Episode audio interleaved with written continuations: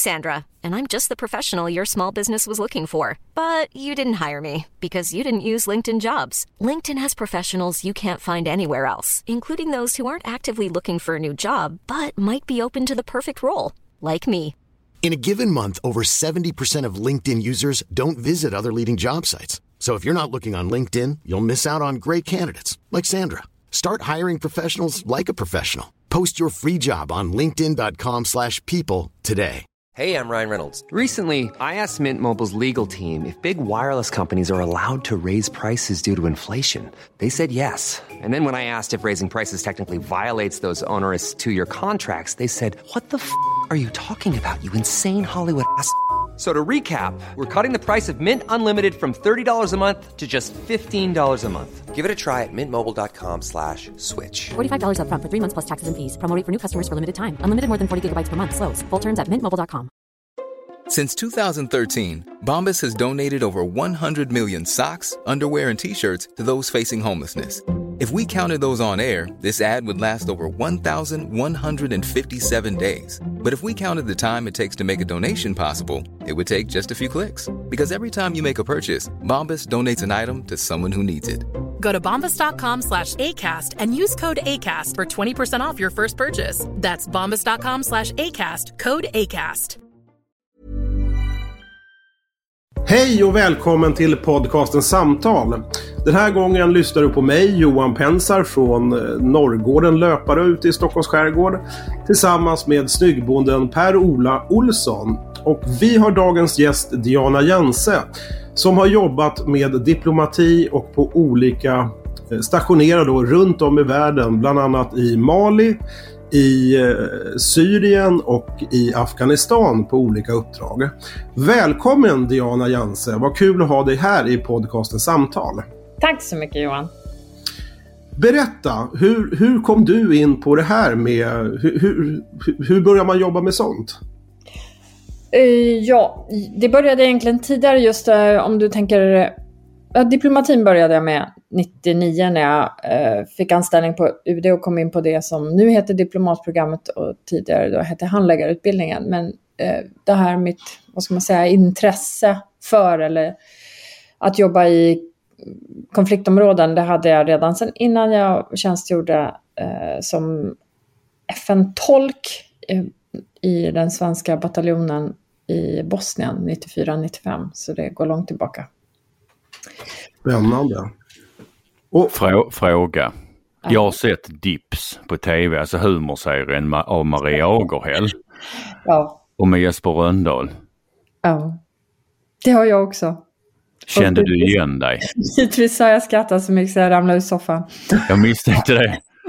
Att, alltså, trots, trots, trots vad ska vi säga, de här dråpliga inslagen. Så att, alltså, men, alltså, de människor alltså, som är i din bransch som jag har träffat, alltså påfallande många av dem eh, har, vad ska vi säga, intygat ett lite väl stort mått av, av riktighet.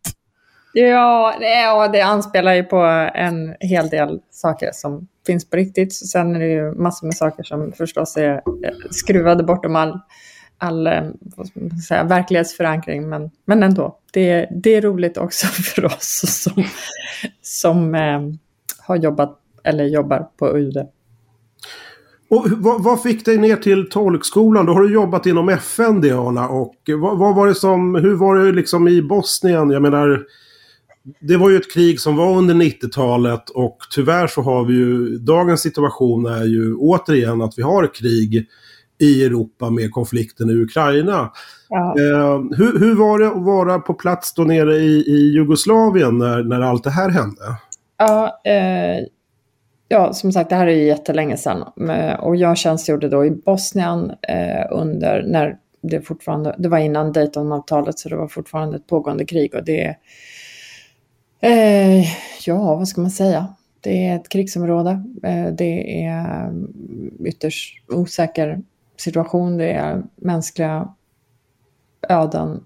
Eh, ett lands framtida drömmar som smulas sönder. Det är ju som, det är mycket av det vi ser idag fast jag upplever som den, den ehm, vi har ju en helt annan media, ett, ett annat medielandskap idag så vi lever ju med det här kriget i Ukraina till del i realtid med all medierapportering, Twitter, alla bilder som, och videos som kablas ut som kan tas med sån lätthet och spridas med sån lätthet. Så det känns ju väldigt nära det här kriget i Ukraina, äh, även för oss som, som inte behöver tillbringa våra nätter i skyddsrum eller se våra hus brinna upp eller våra familjer splittras eller värre. Ja, det är ju en hemsk situation eh, och det drabbar väl alltid civilbefolkningen hårdast i, i händelse ja, av krig. Ja, ja och eh, i det här fallet så är ju civilbefolkningen, om nu pratar jag om Ukraina, är ju väldigt mycket måltavlor. Det är ju tydligt att Ryssland i sin krigföring vänder sig mot civila mål, civil infrastruktur, bostadsområden, sjukhus. Eh, och eh, det är ju då, alltså, även kriget har ju bisarrt nog lagar, eller bisarrt nog, men det är ju, ja, även kriget har lagar. Och eh, det man ägnar sig åt nu från rysk, rysk sida är ju inte förenligt med de, de regler för vad som ändå ska de följas även i det, när det värsta händer och krig råder. Och vad, vad, vad, vad, vad tänker du? Vad går, är det diplomatin som har fallerat? Eh, jag menar, det var en, en bekant till mig, han sa att ja, men, alltså, domstolar är ju nivån under krig och väpnat våld. Mm. Eh, hur, jobbar man med diplomati i den här typen av konfliktlösningar? Va, vad är din erfarenhet av de bitarna som ändå sett väldigt mycket runt om i världen? Ja, jag Alltså, diplomatins roll är att försöka skapa förutsättningar för överenskommelser mellan stater. Vi har ju inga domstolar eftersom det är mellanstatliga förbindelser. De flesta domstolar är ändå inom en stat och jurisdiktion. Visst har vi några internationella domstolar och jag hoppas verkligen att eh, de som är ansvariga för det här kriget en dag får stå till svars för sina handlingar i, i, i internationella domstolen i Haag. Men, eh, men framförallt är det ju diplomati ett, ett, ett redskap nu att försöka hantera den här situationen. Jag tror själv då att jag bedömer det som att utrymmet för diplomati just nu är väldigt litet. Eh, och det märker man ju.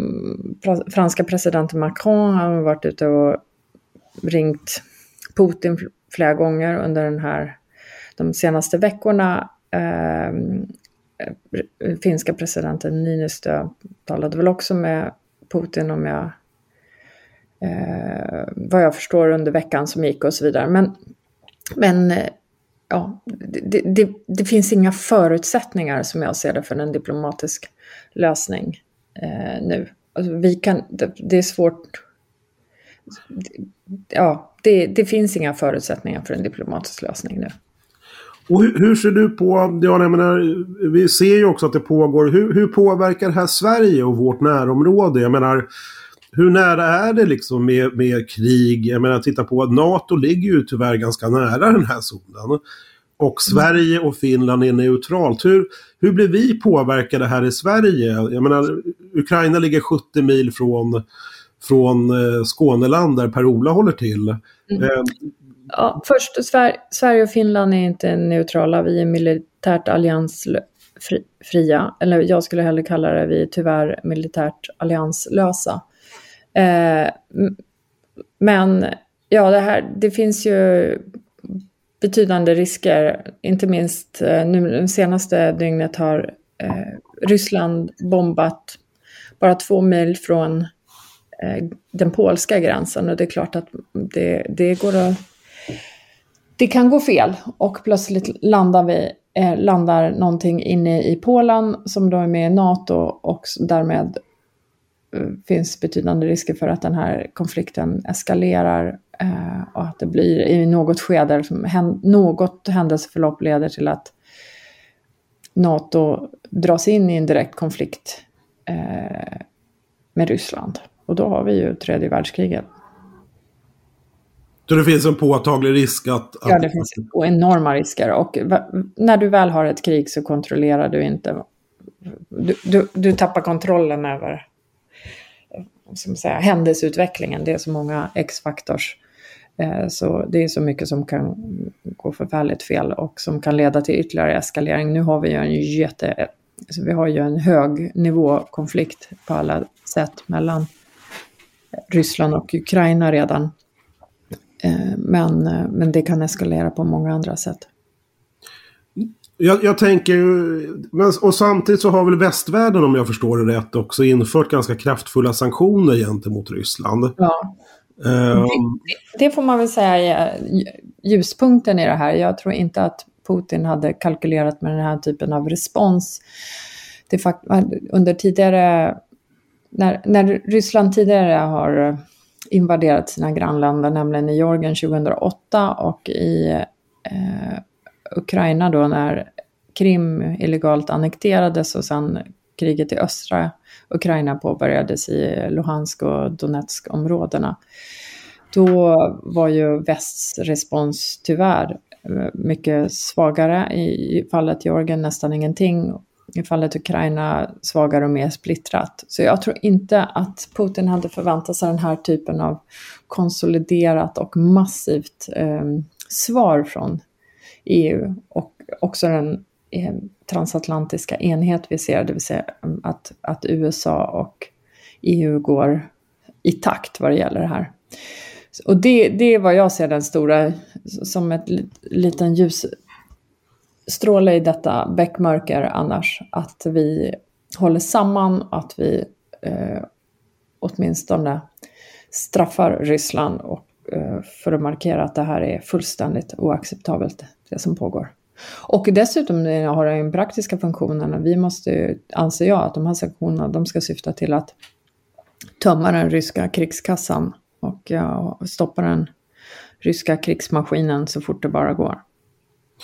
Ja, och det ser man ju redan exempel på motståndskraft i Ukraina. Det är ju det är ju flertalet bilder och filmer som visar traktorer som boxerar bort stridsvagnar och annat dumt mm. från Ryssland. Mm. Hur, hur, viktigt är bönderna och lantbrukarna förutom det, det, det, man ser i den motståndskraften som ändå verkar finnas i Ukraina? Vad, vad, vilka reflektioner har du för det, Diana? Ja, eh, det, det är ju fantastiskt den motståndskraft eh, som vi ser mobiliseras och det motstånd Ukraina bjuder. För det ska vi ha klart för oss att eh, det är även Sveriges frihet och liksom Europas frihet och eh, säkerhetsordning som försvaras på den ryska, eller förlåt, det ukrainska slagfältet. Det är ju jätteviktigt. Alltså mat, eh, jag kommer, återkommer ofta till det. Matsäkerhet är A och O. Utan, utan mat hos bland civilbefolkningen och till soldaterna, de ukrainska soldaterna inte minst, så är ju eh, så bryts försvars, vad ska man säga, stridsvärdena ner väldigt fort. Är det, det vi ser, är det det vi ser i Ukraina också, Diana? Med, alltså jag tänker logistik och liknande, att där verkar ju Ryssland inte ha så god förmåga som, som kanske många har antagit. De verkar ha brister i logistiken och liknande. Ja, det här är intressant. De, det tror jag förvånat många hur dåligt det går med försörjningen av de ryska förbanden. Och Ukraina är ett stort land och det ska man ha klart för sig för varje mil de ryska förbanden tränger in mer i Ukraina så blir det en mil längre eh, logistikförsörjningskedja att försöka hålla ihop. Och det har inte gått eh, särskilt, det har inte varit särskilt framgångsrikt från, för Ryssland. Men också för att de möter ett sånt monumentalt motstånd ner till, ja, till enskild bonde eller eh, husägare eller ja, i, i varje led i det ukrainska samhället. Och det, det är också något som talar för att det här kriget aldrig kan bli framgångsrikt för Ryssland för att de kommer, in, de, de kommer alltid ha befolkningen mot sig. Och det är ett land med 44 miljoner människor, även om 2,6 miljoner människor uppskattas ha lämnat då de senaste två och en halv veckorna. Det är, det är mycket människor. Men eh, alltså nu, nu med all respekt för att du inte har varit, vad ska jag säga, i, i, i den situationen, men hur demoraliserande är det egentligen? Men, skulle du uppfatta det att det är att, att någon stjäl ens stridsvagn?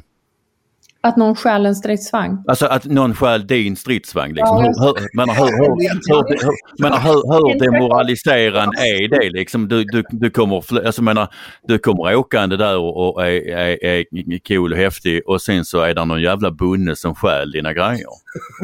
Nej men ja, eh, det, det är ju väldigt demoraliserande och, eh, och motsatsen då på den ukrainska sidan så är det sånt som förstärker den ukrainska eh, stridsviljan och liksom är en del av det narrativ man eh, från ukrainskt håll vill, vill sprida. Att, ehm, och dessutom är det, det är väl praktiskt, man kan väl använda den här stridsvagnen sen på, på ukrainskt håll. Så att, eh, tänker jag mig. Jag vet inte, man måste fortfarande ha folk som, som, utrustning som, som, som man kan behärska, men eh, jag vet inte just den här eh, bilden vi såg på den här stridsvagnen, om det är något som, som även Ukraina har i, i, bland sin krigsmateriel och därmed kan eh, använda sig av. Men eh, så det är ju det. Och, och det ska man säga. Det verkar inte gå. De, medan de ukrainska soldaterna och civilbefolkningen är extremt motiverad, för det är deras land de försvarar, så är de ryska soldaterna, där råder ju till stor del, vad jag förstår, motsatsen. Sen finns det ju välmotiverade och ryska soldater och specialförband och så vidare som, som också opererar. Men de här um, stridsvagnskolonnerna med liksom, unga pojkar som verkar allmänt vilse och uh, inte alls förstår var, vilken situation de har hamnat i.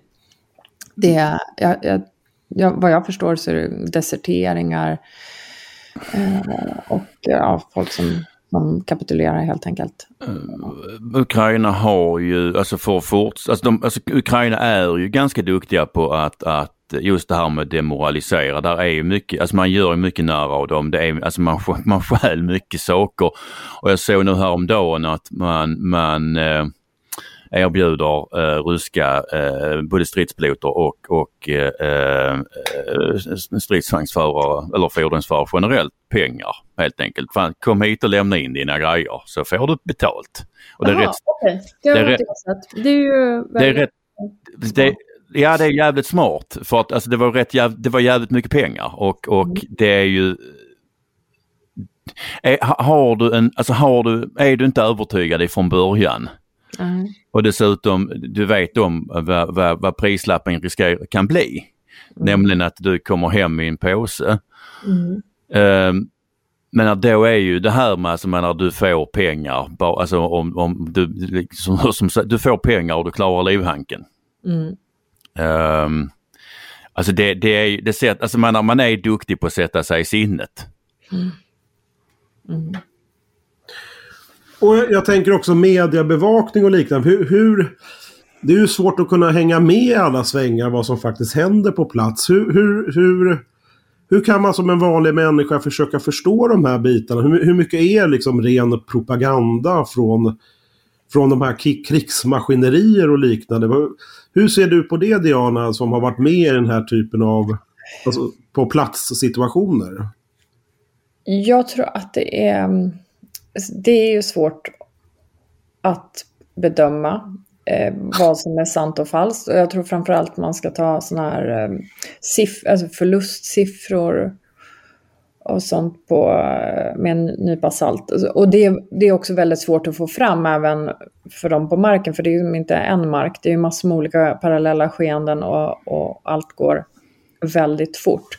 Så jag tror bara allmänt vi ska ha med oss när vi se på det som händer, att eh, vi ska ha med oss att det pågår samtidigt ett propagandakrig där man förstås vill eh, ge bilden av att eh, motståndaren tillfogas större skada än den kanske gör, medan man vill ge bilden av att det går bättre för den egna sidan än det kanske gör.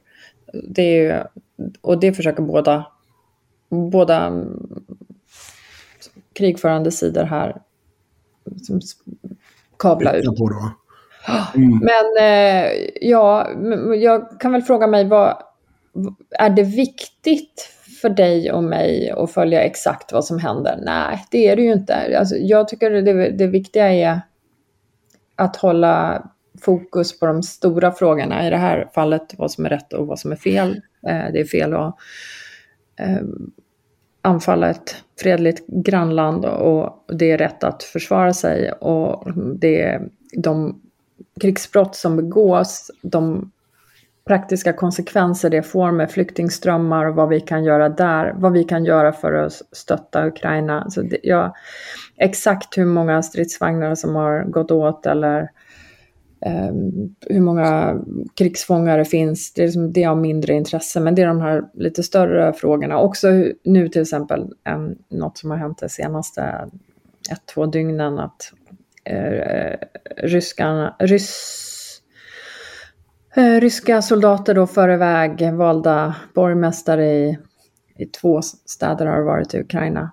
Eh, och liksom installerar sina marionettborgmästare som förstås inte har någon legitimitet. Det är ju ett sätt att försöka ändra ett narrativ. Och, ja. så, det räcker att ha koll på den, de större skenorna, tänker jag, och försöker inte sitta och räkna stridsvagnar som har gått åt. Men är inte det här, vad ska jag säga, sitta och räkna stridsvagnar och följa det här i normaltid, alltså det, vi, vi har ju sett det här förr, alltså man gärna konsumerar eh, lite större händelser som om det vore porr. Det, alltså, det, behöver, inte vara, det behöver inte vara krig. Det, menar, det räcker med att vi får, får en varning för snöstorm så börjar ju folk eh, sitta och, och, och, rapportera väglaget och följa, följa, följa mm. vädret. Mm. Jag menar, stirra ner för fan. Men alltså som sagt man vill, konsum man, man vill konsumera det. Liksom. Ja, men det är väl ett sätt att försöka stilla sin egen oro gissar jag till del. Eh, men ja, det är väl bättre och då återknyter jag till Johan vad han sa tidigare, det där med, eller om det var du Per-Ola, om, om matsäkerhet och sånt. Alltså, jag, jag tycker det är, om man följer det här, jag tycker vad man kan göra är ju att gå tillbaka till sig själv och tänka okej, okay, vi har ett nytt läge i Europa. Den värld vi har växt upp i och levt i de senaste årtiondena finns inte längre. Vad betyder det här för mig, för min mm. familj och i nästa steg för Sverige och vad kan jag göra? Alltså, och, och då, då, finns det ju massor med saker man kan göra utöver att titta på eh, som, Twitter om vad som händer minut för minut. Och det, det är att se över sin egen eh, situation och beredskap. För om någonting händer i Sverige så, så ju bättre förberedda varje medborgare är, desto mindre belastningen vi då på ett, eh, på, på ett system som, som inte är särskilt eh, välutvecklat tyvärr vad gäller civil beredskap eller eh, så vad kan vi göra själva? Då är vi tillbaka på Johans och mitt favorittema, prepping. Eh, och sen, eh, vad, kan jag, liksom, vad, vad, kan vi göra i samhället där jag bor? Finns det något vi kan göra? Jag tror att vi, det, vi, vi kommer vi kommer behöva organisera oss i frågan om mottagandet i Sverige i mycket högre grad än vad som har skett så här långt. Vad finns, det, finns det någonting vi kan göra här för att hjälpa, hjälpa någon? Ingen kan göra allt, alla kan göra något. Och sen liksom, vad är det vi som staten Sverige borde göra? Då pågår ju en, en äh, intensiv debatt på det säkerhetspolitiska planet inte minst. Och stödet för NATO-medlemskap, eh, sunt nog, växer för varje vecka som går. Aha, eh, vill jag delta i den debatten, eh, tycker jag, vad, vad, är min uppfattning i, i den här frågan? Och sen också, ja, eh, det, det, det, jag försöka, tror jag, bättre att inrikta sig på det konkret man själv kan bidra med. För det, och ja, förstås, kan jag skicka pengar till en hjälporganisation? Kan jag göra någonting? Kan jag kontakta min lokala politiker och fråga vad, vad den... Jag gör, gör inte det, Diana. Det är livsfarligt. jag, jag, det... alltså, jag, jag är benägen att hålla med där. Jag, jag, är den, jag vill gärna se mig som den lokala politikern. Så här har jag.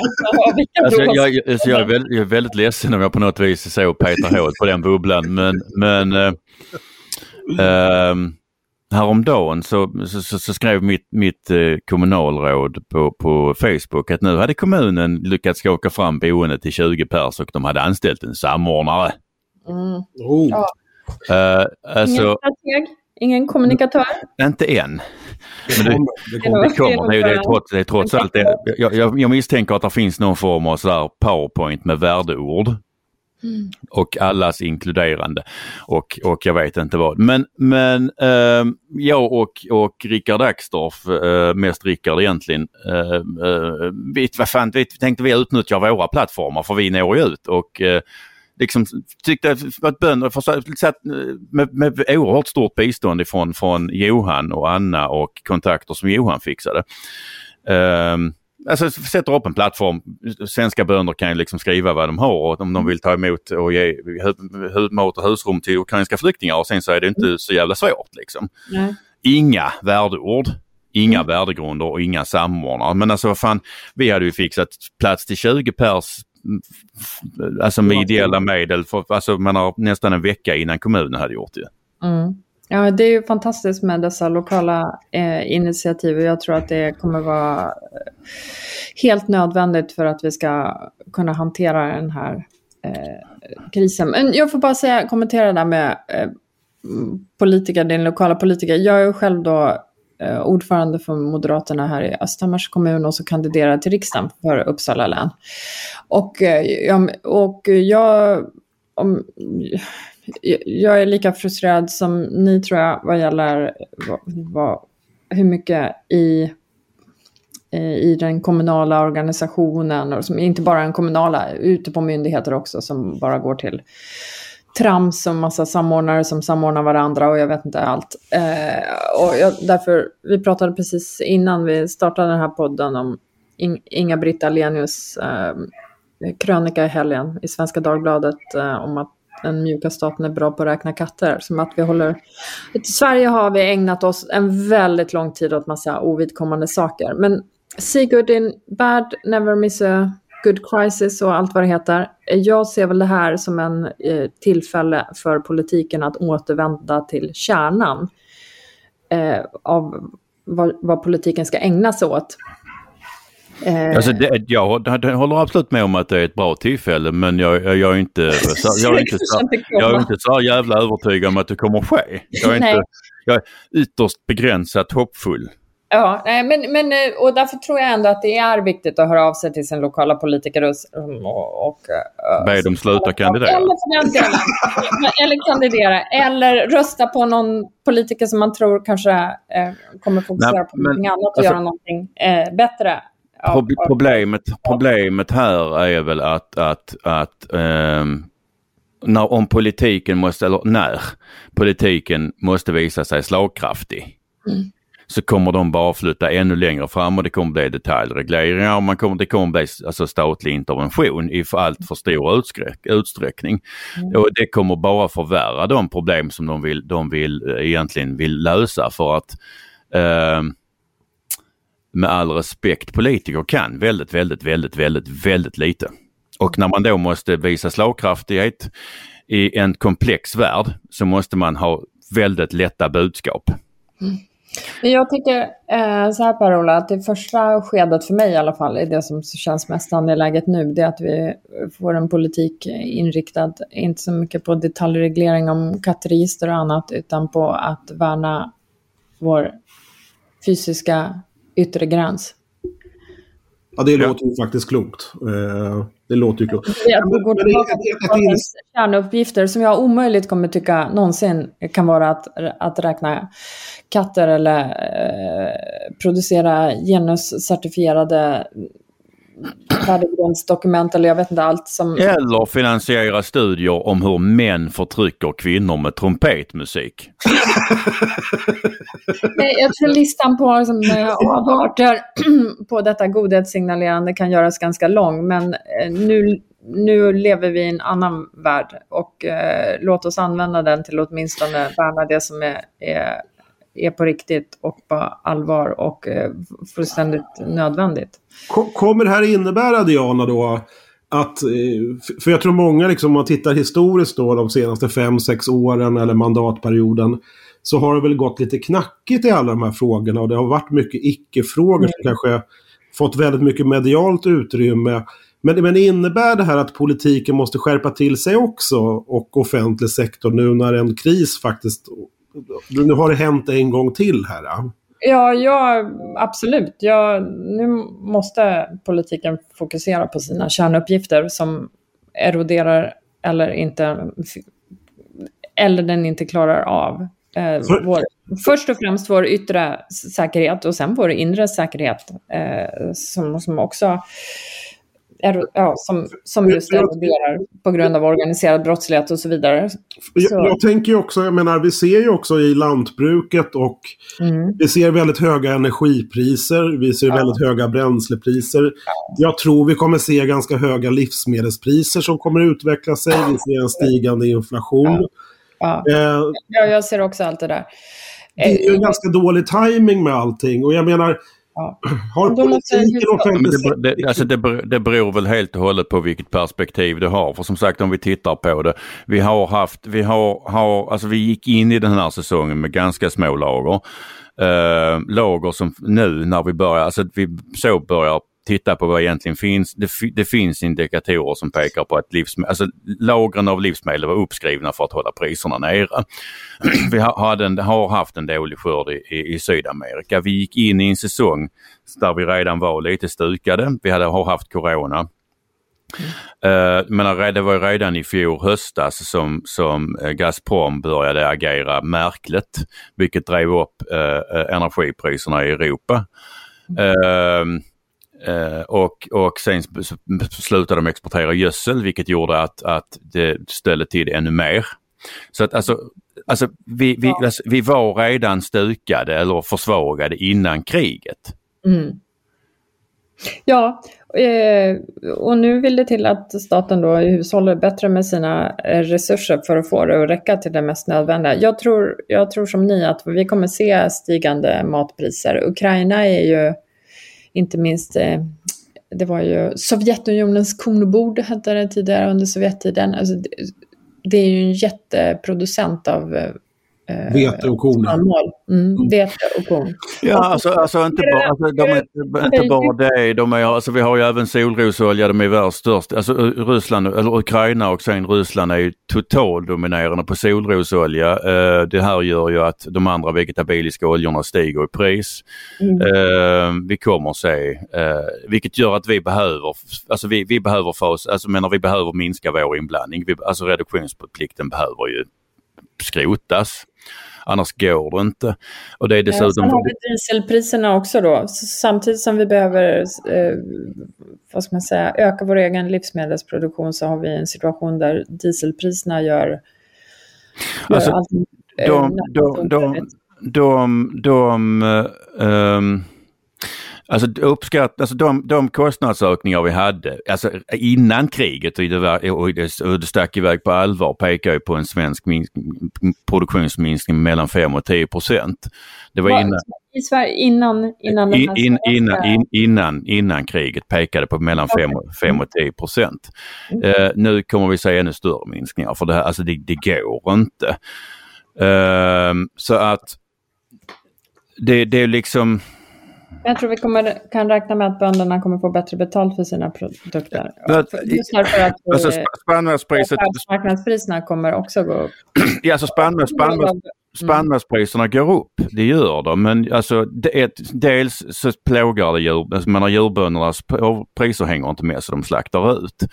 Och, och eh, även om spannmålspriserna går upp så ökar även risken. Alltså det, det, det, går, alltså det går inte att odla, alltså de, de, de, den lönsamhet vi har haft innan och den, vad ska vi säga, likviditeten och kapitalflödet.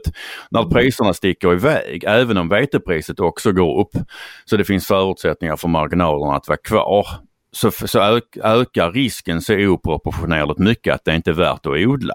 Mm. Jag är den första att tillstå att det här, det här måste ju adresseras ju fortare desto bättre. För det, det är dubbel... Det är eh, av, av två skäl. Det ena är att eh, vi i det här läget, vi kan inte riskera att ha ännu sämre matsäkerhet än vad vi redan har. Eh, och det andra är att vi, vi borde passa på skala upp när vi har en chans till att också bidra till exporten i ett läge när den faller bort på annat håll. Jag kan ju bara hålla med dig Diana. Jag, samtidigt det man ser är ju sådana här stödmiljard och det är olovlig kaffe. Ja, men det är, helt, det är verkligen peak socialdemokrati när man ska få bidrag för att klara av att betala skatten. Det, Men- jag saknar ord. Vi, hela systemet måste ju tänkas om. Men, Det men är efter, helt efter, att man har så hög energiskatt. Det är helt orimligt att man har så hög eh, diesel och bensinskatt i ett, i ett läge som är nu. Ja, Men- kan det var orimligt redan innan, men, nu blir det ännu mer bisarrt. men eftersom du, du, du kritis, eller så kritiserar, kandiderar till riksdagen, Diana. Vad- Alltså, vad ska jag säga, topp, vad ska jag säga, när det gäller livsmedelssäkerheten, vad är dina topp fem konkreta önskemål? Alltså, vad, vill, vad hade du fått göra, vad hade du gjort om du blev diktator? Jag hade genast ordnat demokratiska val så att jag inte var diktator längre. Men det, alltså, demokrati är, är inte effektivt och det är bråttom. Topp, alltså så. Ja, det- men det, det spelar ingen roll. Jag vill inte företräda något annat än ett demokratiskt system. Men jag förstår vad du är ute efter. Vad hade jag gjort om jag fick bestämma? Mm, topp fem. Jag fick, eh, ja, nej men eh, det är ju att sänka, eh, sänka diesel och bensinskatten radikalt. Så att Mm. eh, vi är tillbaka på en nivå där i, i pris vid pump Mm, där mm. de bönderna kan idka sin verksamhet. En annan eh, det är ju att snabbt eh, skala upp kärn, eh, kärnkraft Mm. industrin. Och eh, jag vet att det sägs att Ringhals inte... Eh, jag vet att det finns massor med goda argument varför man inte kan återstarta Ringhals, men liksom vi lever i en helt ny värld. Eh, en tid kanske inte är förbi ändå. Så kan man inte återstarta Ringhals. En annan skulle ju vara att öka bara kraftsamla på överföringskapacitet mellan norr och söder eh, i den infrastruktur som är helt eh, undermålig. Kan man tänka sig, jag ska inte säga undermålig, den är otillräcklig. Mm. Eh, och då går det inte att ägna sig åt några eh, tio års miljöprövningar och liksom, överklaganden. Då får man sätta det i ett snabbspår och så får man eh, ägna sig åt att bygga det där i tre skift dygnet runt till det är klart. Eh, ja, det är mina tre topp i alla fall. Jag tänker så här Diana, om jag säger liksom att... Sen, jag har en annan sak eh, Ja. förresten. Och den, en annan sak det är ju att, ta hjälp av bönder eh, lokalt på, i att höja vår civila beredskap på, vad gäller livsmedelssäkerhet. Eh, och då menar jag, man kan tänka sig att trycka ut, sluta avtal med med bönder. Och det kan man göra, varje kommun får uppgift att göra det eller hur man ska organisera det, det, får någon annan lösa rent praktiskt. Men idén är att, vi ska ha diesellager, konstgödslager, eh, vanliga mediciner till eh, det som behövs för frisk djurhushållning och så vidare lokalt. För att i en krissituation är det inte heller säkert att vi kommer kunna transportera saker här och tvärs. För vi kanske inte har bränsle och vi kanske inte har några vägar att åka på. Eh, så, att, så att det finns lokala hubbar som eh, kan försöka hålla det lokala jordbruket igång. Och då får, slipper man också det här problemet med lagerhållning annars, att saker blir gammalt och så ska man destruera det då. Utan då kan man ju, den lokala bonden som har fått det uppdraget, eh, se till att, att man som fyller på bakifrån så att säga och använder det som behöver gå åt. Så att så staten i princip betalar för att eh, lantbrukaren får hålla ett lager. Ja, exakt. Mm. Exakt. Mm. Mm. Jag, jag tänker ju också på skatter, avgifter och moms. Det brukar ju vara, i alla fall i andra länder än Sverige kanske, att man jobbar med det här regulatoriska policy making. Att, att man kanske skulle se över el, elens avgifter och, och skatt och moms och bränsle och, och livsmedel.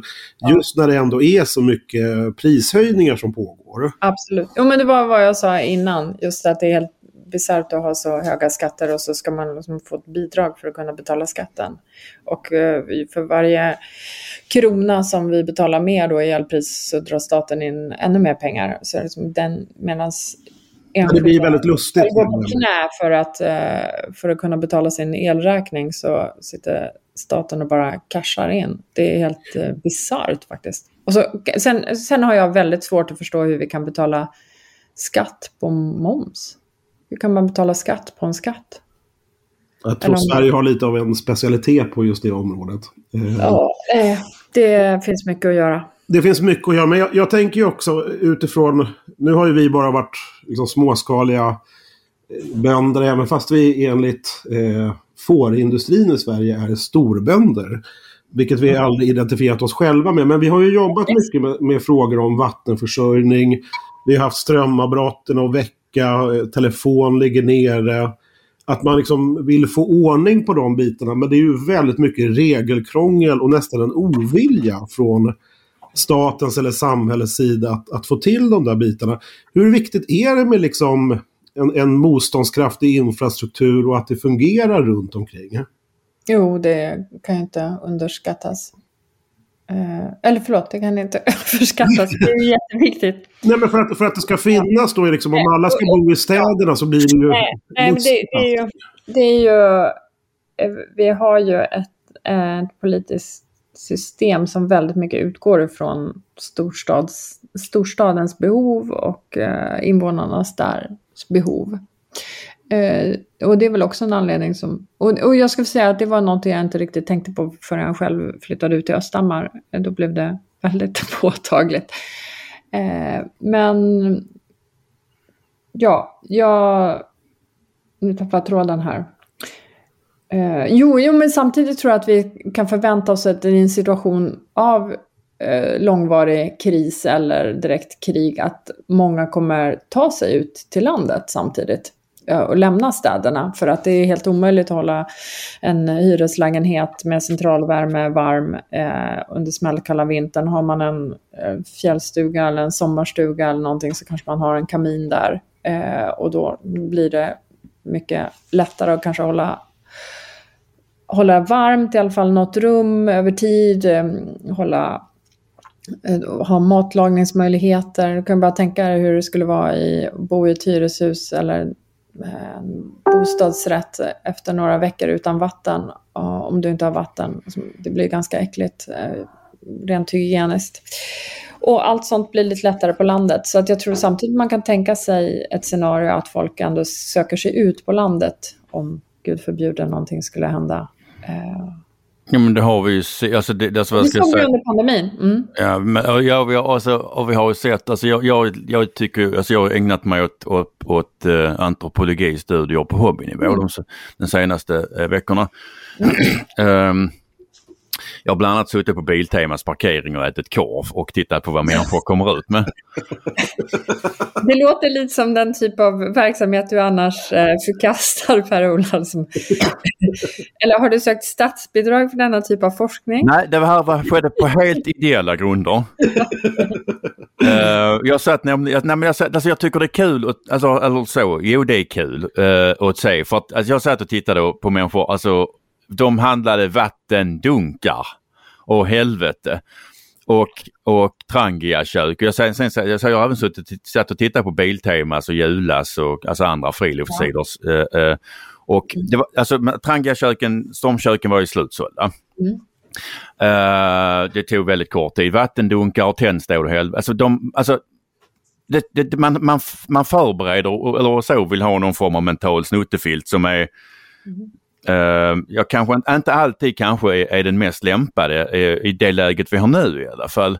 Och jag, jag, kan absolut köpa att det finns många människor som, som förbereder för strömavbrott med vatten och trangiakök. Men när man dessutom eh, handlar tändstål, sporks uh, och, och hyllan med, med tält och, och sovsäckar och liggunderlag ser ut som den varit föremål för plundring.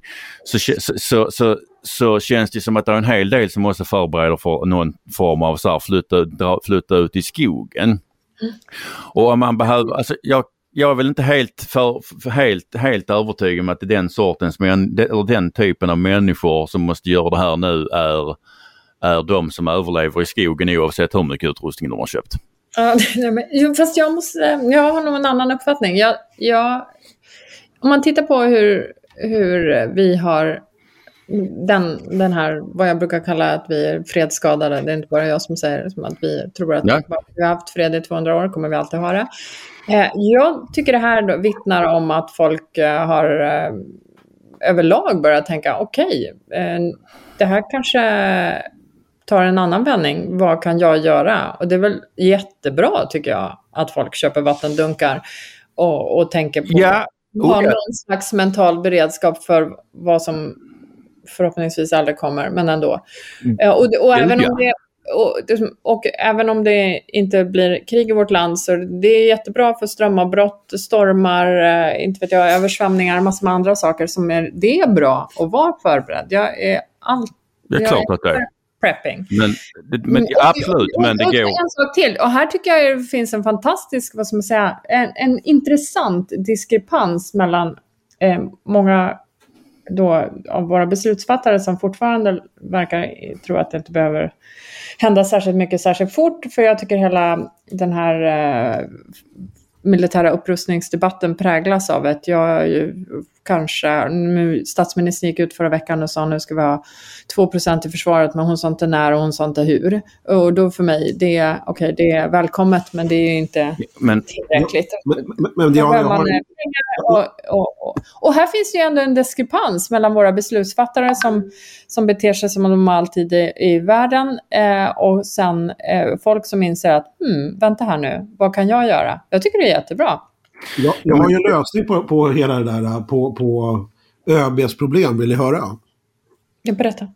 Visste ni att uppemot 4 miljarder har donerats till ukrainska militären nu via privata donationer? Det vill säga en Swish-kampanj till ukrainska militären.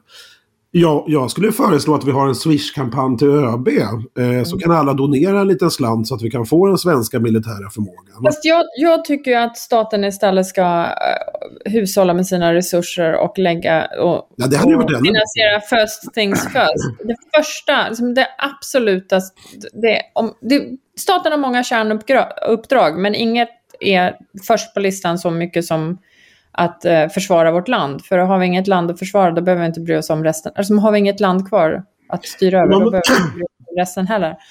Man, Så- man, man Som- brukar säga det, Diana och och Per-Ola, att eh, en nations uppgift är ju att försvara människor mot människor. Det vill säga att vi inte har ihjäl varandra. Och sen är det mot yttre hot.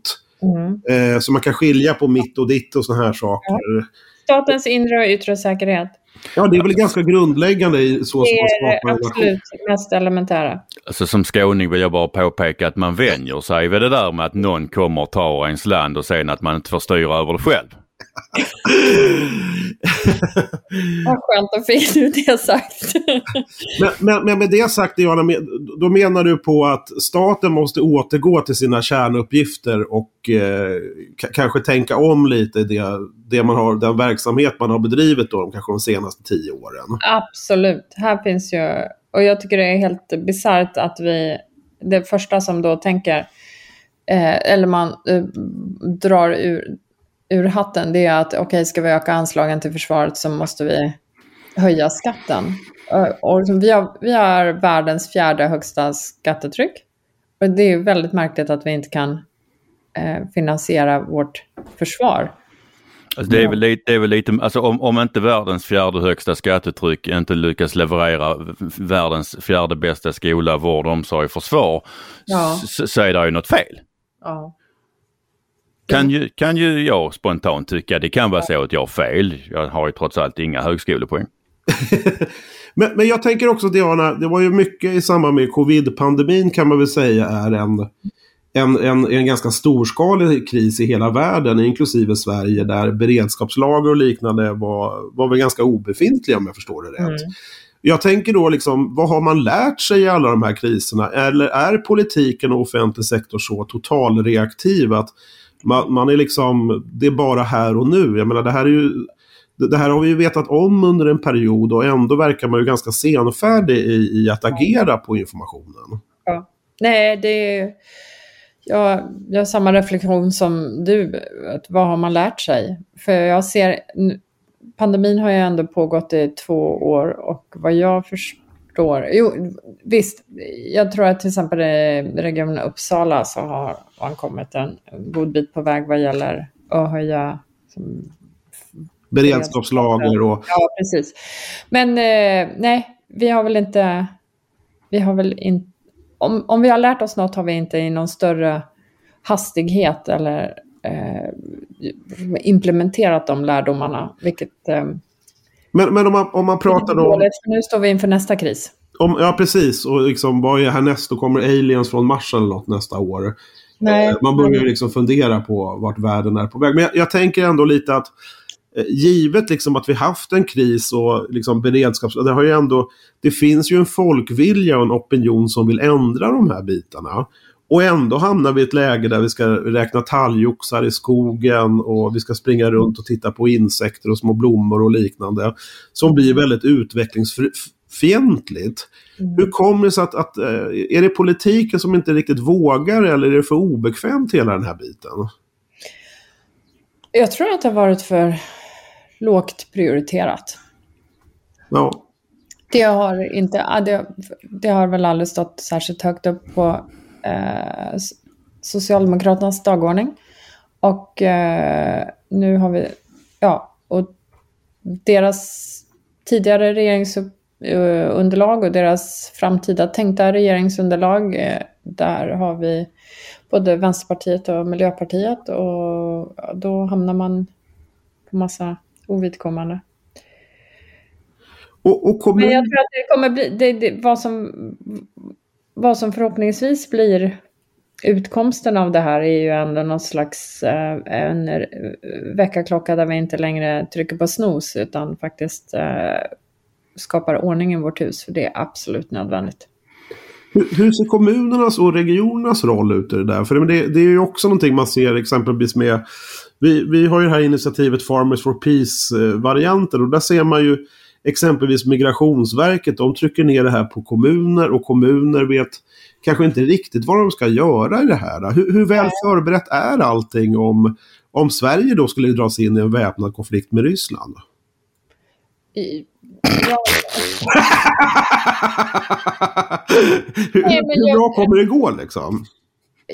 Vad gäller Migrationsverket så får jag ju intrycket av att de inte alls är särskilt förberedda för det här, trots att det ändå har varit på tapeten under flera månader och eh, eh, det har varnats för de här värsta scenarierna vad gäller migrationstryck på Europa. Och eh, jag fattar inte riktigt hur man tänker sig att man inte kan förbereda sig för det värsta. Det, det, det är vad vi ska göra. Det är vad krisplanläggning går ut på. Man förbereder sig för det värsta och sen hoppas man och jobbar för det bästa. Men bara sitta och säga att nej, men vi kan inget, eller vi har inte förberett oss. Som jag hörde någon intervju, nu minns jag inte vem det var på Migrationsverket som sa, nej men vi har inte förberett det här. Det, det tycker jag är helt det gör mig helt förundrad, men inte särskilt förvånad. De hade, de hade för få samordnare alltså. Ja.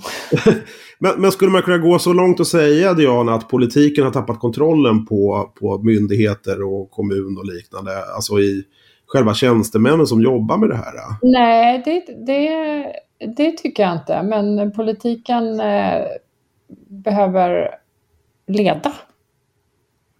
Ja, och, och... Alltså, det är ju ändå vår regering som utfärdar eh, direktiven och eh, arbetsuppgifterna och budgeten till våra myndigheter. Ja. Och, och samordning i den då? Jag menar, jag tänker liksom det är ju himla mycket käbbel bland, i politiken ibland, upp, uppfattar jag i alla fall. Men, men hur mycket kan man inte nå samsyn i de här bitarna nu? Förlåt, jag förstod inte frågan. Kan du ta den igen? Nej, men jag tänker att, att eh, skulle inte vänster och högerblock kunna liksom, samregera eller hitta någon form av liksom, väg framåt för att ändå ordna till de här bitarna som, som, som många upplever som är uppenbara brister? Själv har jag svårt att se det eftersom jag anser att den regering som nu har suttit i snart åtta år är eh, i hög grad har visat sig helt oförmögen att ta tag med dem i de mest grundläggande av problem. Så jag förstår inte hur de skulle kunna eh, bidra till det här arbetet. Därför vill jag gärna se ett regeringsskifte istället och en moderatledd borgerlig regering som tar över och visar vad den går för. Hur, hur högt kommer de här frågorna komma tror du på själva? Vi, vi, vi har ju några, ett halvår kvar att vad det till valet. Och, hur- hur högt kommer de här frågorna tror du kommer komma på agendan? Ja, det beror ju alltså, hur högt frågor som NATO-medlemskap, eh, rustning av vårt militära och civila försvar kommer. Det, det, det kan ju komma hur högt som helst beroende på händelseutvecklingen i närområdet. Det kan ju vara den enda frågan som i slutändan är intressant beroende på hur Hur desperat det är. utvecklar sig? Ja. Eh, Att um, lag och ordning, brott och strafffrågan redan står högt på agendan. Det visste vi ju innan den här krisen och innan pandemin. Sjukvården eh, är också något som har varit väldigt aktuellt under pandemin. Hur, Men, men även flyktingfrågan har ju stått högt upp, tänker jag. ja, ja, eh, Eh, det, det blir ju lite humor det här nästan. Förlåt? Det blir ju nästan lite humor. Det, Sverige ska inte ta emot flyktingar men sen helt plötsligt står Europa med en flyktingvåg i närområdet. Ja. Eh, Ja, nej men det här... det blir jag- tvära kast med andra ord. Ja, men ja, det blir tvära kast.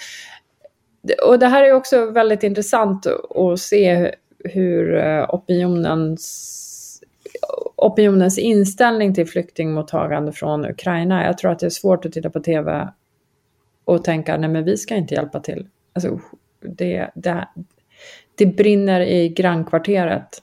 Eh, Det är klart att vi hjälper till. Eh, Eller hur? Ja. Nej, men jag, jag tänker också med brott och straff och liknande. Men, men om jag då får bara återknyta till del är ju problemet att alltså, Eh, alltså, det kommer bli en extra utmaning för Sverige att hjälpa till eh, för att vi har ett system som har fungerat så illa under så många år. Därför som vi inte får något riktigt... Ehm, de flyktingar vi tidigare har tagit emot eller de som har kommit hit av andra skäl och fått stanna, eh, de har vi inte lyckats få in i det svenska samhället på ett tillfredsställande sätt. Vilket gör det mycket svårare för oss att ta emot, alltså rent praktiskt, att eh, ta emot många nu. Men, men jag ser ingen annan möjlighet än att det är precis vad vi måste göra. Och ha, Ja, det, det, det känns och jag, jag läser inte opinionen heller som, som att det finns någon annan åsikt än att det är precis det vi ska göra. Nej, jag tror inte opinionen är, är... Opinionen verkar ju vara för, för att ta emot och hjälpa ukrainare på flykt och eh, sänka bränslepriser och elpriser och livsmedelspriser. Så där har man ju inte något riktigt problem opinionsmässigt verkar det som. Eh, men, men jag tänker på de frågeställningarna liksom med allt från det, menar, liksom olovlig kattodling och vi ser ju en ganska märklig liksom Alltså även om man prioriterar frågorna så i praktiken i genomförandet så brister det ju tyvärr lite grann. Ehm, så, så här, här är det liksom, ja, hur hur ska man tänka och reflektera i de bitarna och hur kan man förhålla sig till det här? N- när kommer staten då liksom börja ta sin del av ansvaret för att, eh, ja, för att underlätta för sin befolkning? Mm. Ja, nej, du får ställa den frågan till, till regeringen helt enkelt. Eller bara rösta bort den.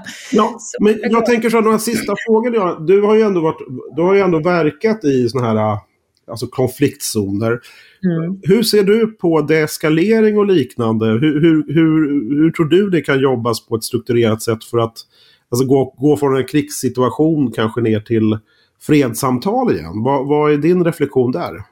Ja, jag tror att det blir väldigt svårt att... Jag, jag, jag tror inte vi kommer ha fred på... eh, Någon varaktig fred på vår kontinent så länge Putin sitter kvar i Kreml. Mm. Jag har svårt att se att fredssamtal kan... Det är inte kan leda någon konstruktiv värld, eh, väg framåt i det här eh, skedet. Jag citerar eh, Rasmusson, Rasmussen, tidigare generalsekreteraren, han gav någon intervju häromdagen där han sa ehm, I think that a lesson learned from history is that appeasement with dictators does not lead to peace, it leads to war and conflict. Mm. Mm. Så vi ser en ny variant av kalla kriget växa fram med andra ord. Ja, det är en, redan en ny järnridå som har gått ner. Eh, om jag ser det. Och, och framtidsspekulation från din sida, hur länge kommer det pågå? Ja, ingen aning. Det kan... Jag har ingen aning. Det är, det är högst osäkert vad som, som väntar bara en vecka bort. Eh, jag befarar att det här kan bli långdraget. Det är väl en, en, en uh, Eh, bild jag delar. För vi ska komma ihåg vem som tjänar mest på att det blir utdraget. Eh, eller eller kan vi, så jag omformulerar mig, vi kan konstatera vem som förlorar mest på att det blir utdraget och det är vi.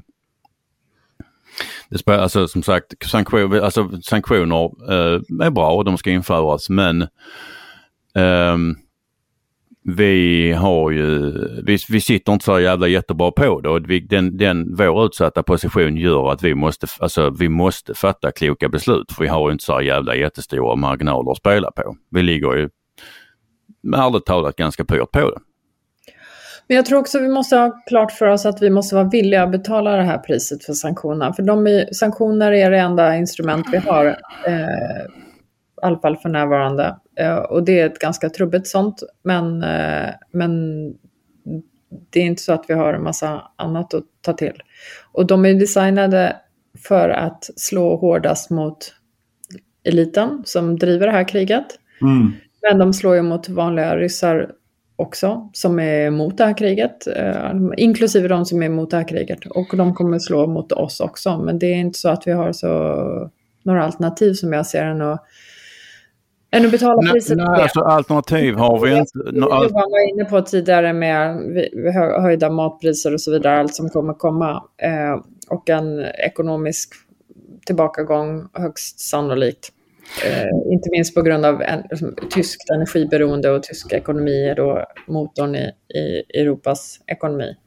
Nej, nej absolut inte. Vi, alltså sanktioner, alltså som sagt Ryssland ska straffas. Problemet är som sagt att våra marginaler är inte så jävla jättestora vilket ställer, ställer krav på, på, att, på att vi fattar kloka beslut. Absolut. Men hur, hur, hur du... Men, om bensinskatt, om energiskatt. Ja, men, så, hur, hur, hur uh, som sagt det här alltså ska så priset, uh, uh, hur, hur skissar du på att det här, alltså, vad ska vi säga, priset att betala kommer att se ut för, för en normal svensk?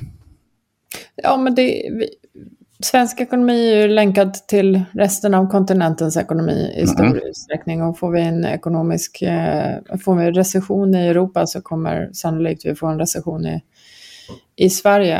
Eh, men det, du har ju helt rätt Per-Ola, att vi för egen del, vi måste ju göra vad vi kan för att uh, dämpa uh, de ekonomiska konsekvenserna av de här sanktionerna. Och det, där har vi ju skatten som en alldeles utmärkt regulator vad gäller att sänka då eh, diesel och bensin, energipris och, och, och en, eller förlåt, dieselskatten, mm. energiskatten, mm. för att underlätta för hushållen. Det är ju, vi kan ju ta en rad andra beslut också i samma riktning. Det är ju, mm.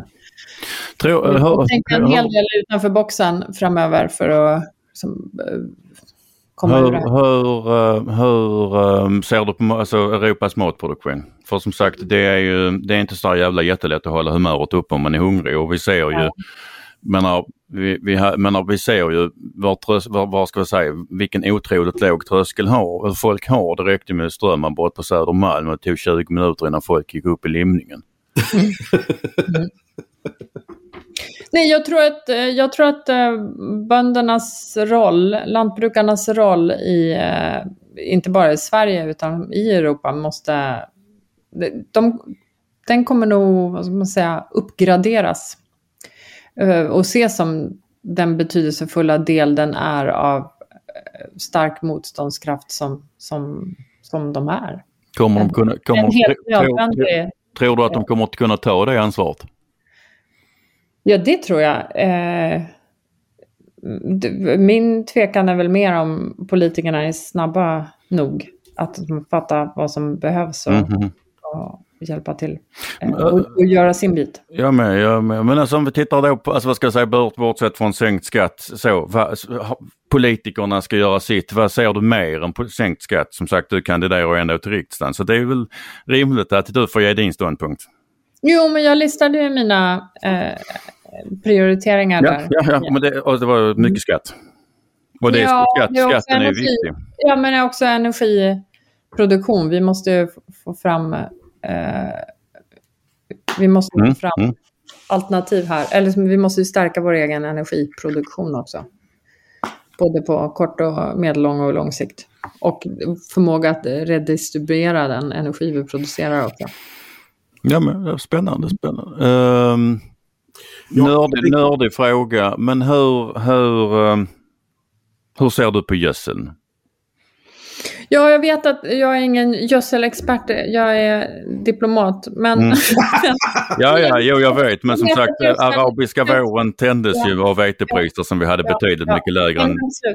Jag vet att det, det, det har, gödselpriserna har gått upp flera hundra procent om det ens räcker. I och med också embargot mot Vitryssland om jag förstår det rätt. Som Korrekt. En stor ja.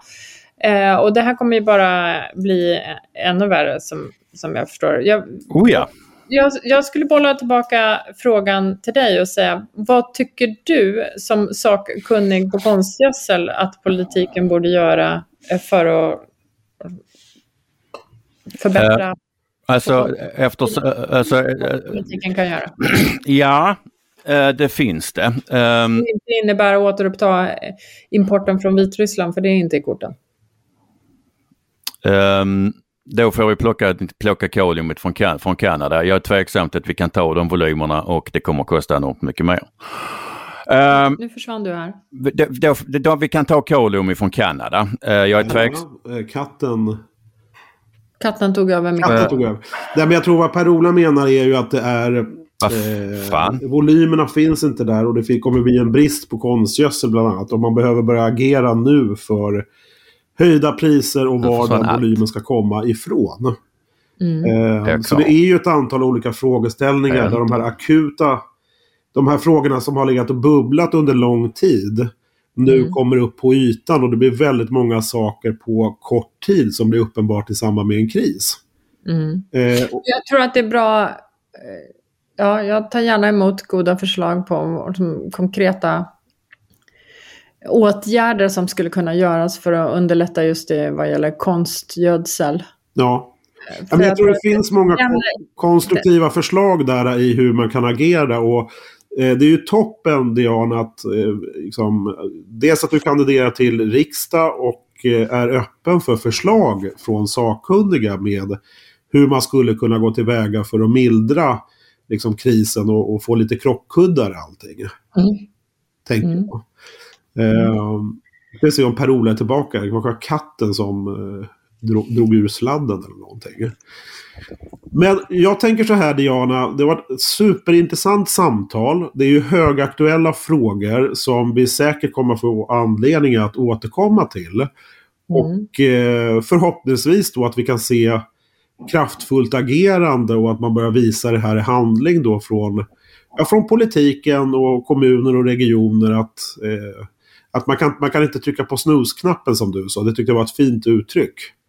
Eh, och li, lite vad som, att den här krisen är ju inte över utan vi kommer få leva med den. Nu är jag tillbaka. Jag sitter i vildmarken utanför Stockholm. Det var nog en katt som, som havererar någonting. Eh, nej, som sagt, jag, nej, jag har, jag har, för jag vet inte, vi har inte hört vad ni pratar om. Jag har några önskemål. Eh, som sagt, vi behöver ehm, det, vi behöver, alltså det jag säger, att, eller jag kan tycka att vi behöver göra det är att vi behöver uh, fylla tyska lager så mycket vi kan med gas. Tyskarna får eh, ställa om, alltså den, den, deras elproduktion eh, som, alltså som bygger på gas, den går till stor del att ställa om till kol. Det får de göra. eh, vi behöver eh, som sagt, vi behöver trycka in så mycket gas vi kan i Europa, eh, fylla på eh, och vi behöver eh, göra det nu för att vi har inte en överföringskapacitet som medger att vi gör allting under vintern. Eh, vi behöver använda gas till eh, gödselproduktion i Europa. Eh, för ehm, dels, alltså, dels, dels så står Ryssland för en enormt stor del av eh, eh världens ammoniumnitrat. Ryssland står för 60 procent eh, av världens ammoniumnitrat och 40 procent av exporten. Eh, och europeisk produktion bygger till, viss, till, till en ganska betydande del på rysk gas, vilket gör att eh, det här blir ett jävla episkt helvete. Så att tryck in gas, tryck in så mycket olja vi kan för att hålla energipriserna nere och för att faktiskt köra mer på fossil eh, energi än, än, än att köra på, på vegetabilisk sådan för vi kommer att behöva det till mat. Eh, och när vi har, alltså fabrikerna går för fullt så till, får vi även, vore det rimligt att vi även börjar titta på, på sprängmedelsfabrikerna. Vi har ju den i Köping till exempel. Eh, som är dyrare men det är ändå vara. För att det, det problem vi, vi kommer se det är ju inte, det, alltså det stora problemet kommer inte vara till syvende och sist vara priset utan det kommer vara tillgången. Och när det gäller kalium som vi får till exempel från Vitryssland och Kanada, eh, fosfor får vi från Ryssland. Det går, det går vad ska vi säga, snåla eller, eller vad ska vi säga, ful, lira lite med fosforn och lite med kaliumet. Men kvävet är avgörande. Det måste tillföras varje år och det bygger skörd. Eh, så att alltså man kan sitta och latcha och titta på siffror och konstatera att ja, Ryssland är en liten ekonomi. Ja, det är den, men på råvarorna är de jättestora. Och, och eh, som sagt, vårt beroende, alltså långsiktiga beroende av Ryssland gör att vi behöver göra saker nu. Och sanktionerna, de, ofta har ju sanktionerna, sanktioner förr handlat om alltså att vi, det fanns volymer men man behövde möblera om dem bara. Så att efter ett år eller två så var, ju, hade, var det alltid någon jävla skurkskott som lyckades förmedla saker och ting fram och tillbaka. Det läget har vi inte nu för att nu, nu fattas det volymer på världsmarknaden och det gör att vi behöver redan helst den, den här veckan titta på hur vi kan, kan styra om vår produktion och öka den. För att kvävet behöver vi ha och det är sådana sinnessjuka volymer som som ska fram.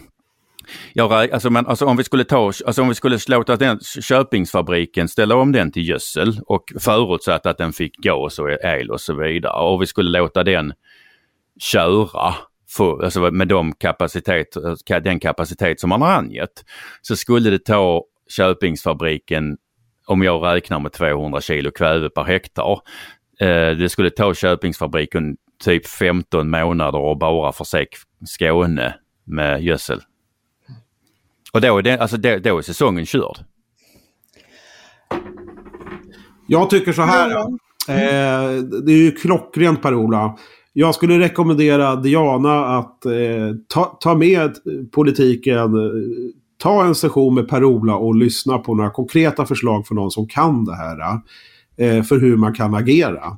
Eh, och mm. att det finns det finns goda liksom, tankegångar och förslag som eh, befolkningen har här för att kunna hjälpa politiken att fatta rätt beslut. Mm. Ja, eh, som sagt, jag tror att det är helt centralt att vi eh, slår våra kloka huvuden ihop och, eh, och hjälps åt.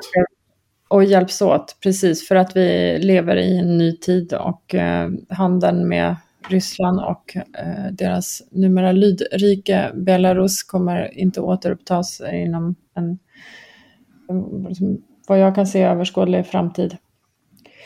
Jag är jätteledsen, jag måste eh, lägga yes. Jag måste rusa. Eh, Diana Jansen, stort tack för ditt medverkande i podcastens samtal. Eh, ni har lyssnat på mig, Johan Pensar, och Per-Ola Olsson som har kommit med några konkreta förslag för att göra den här krisen lite lättare. Tack så hemskt mycket för att du har lyssnat. Tack. Hej.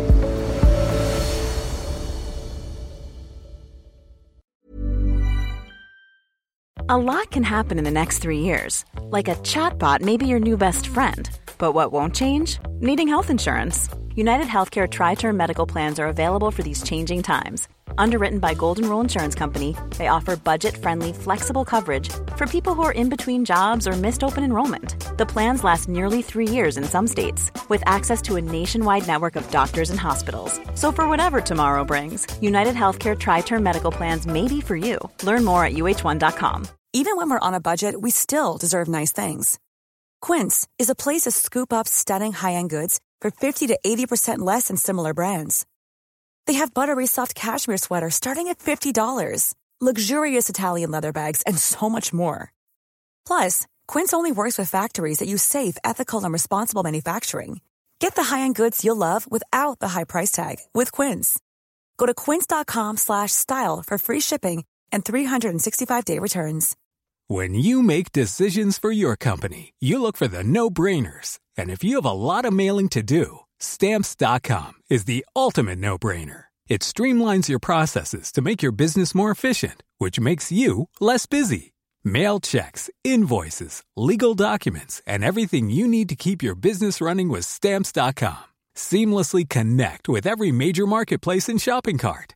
Schedule package pickups and see your cheapest and fastest shipping options from different carriers with rates up to 89% off USPS and UPS rates. And with the stamps.com mobile app, you can take care of mailing and shipping wherever you are. Make the same no-brainer decision as over 1 million other businesses with stamps.com. Sign up with code program for a 4-week trial plus free postage and a free digital scale. No long-term commitments or contracts. That's stamps.com. Code program.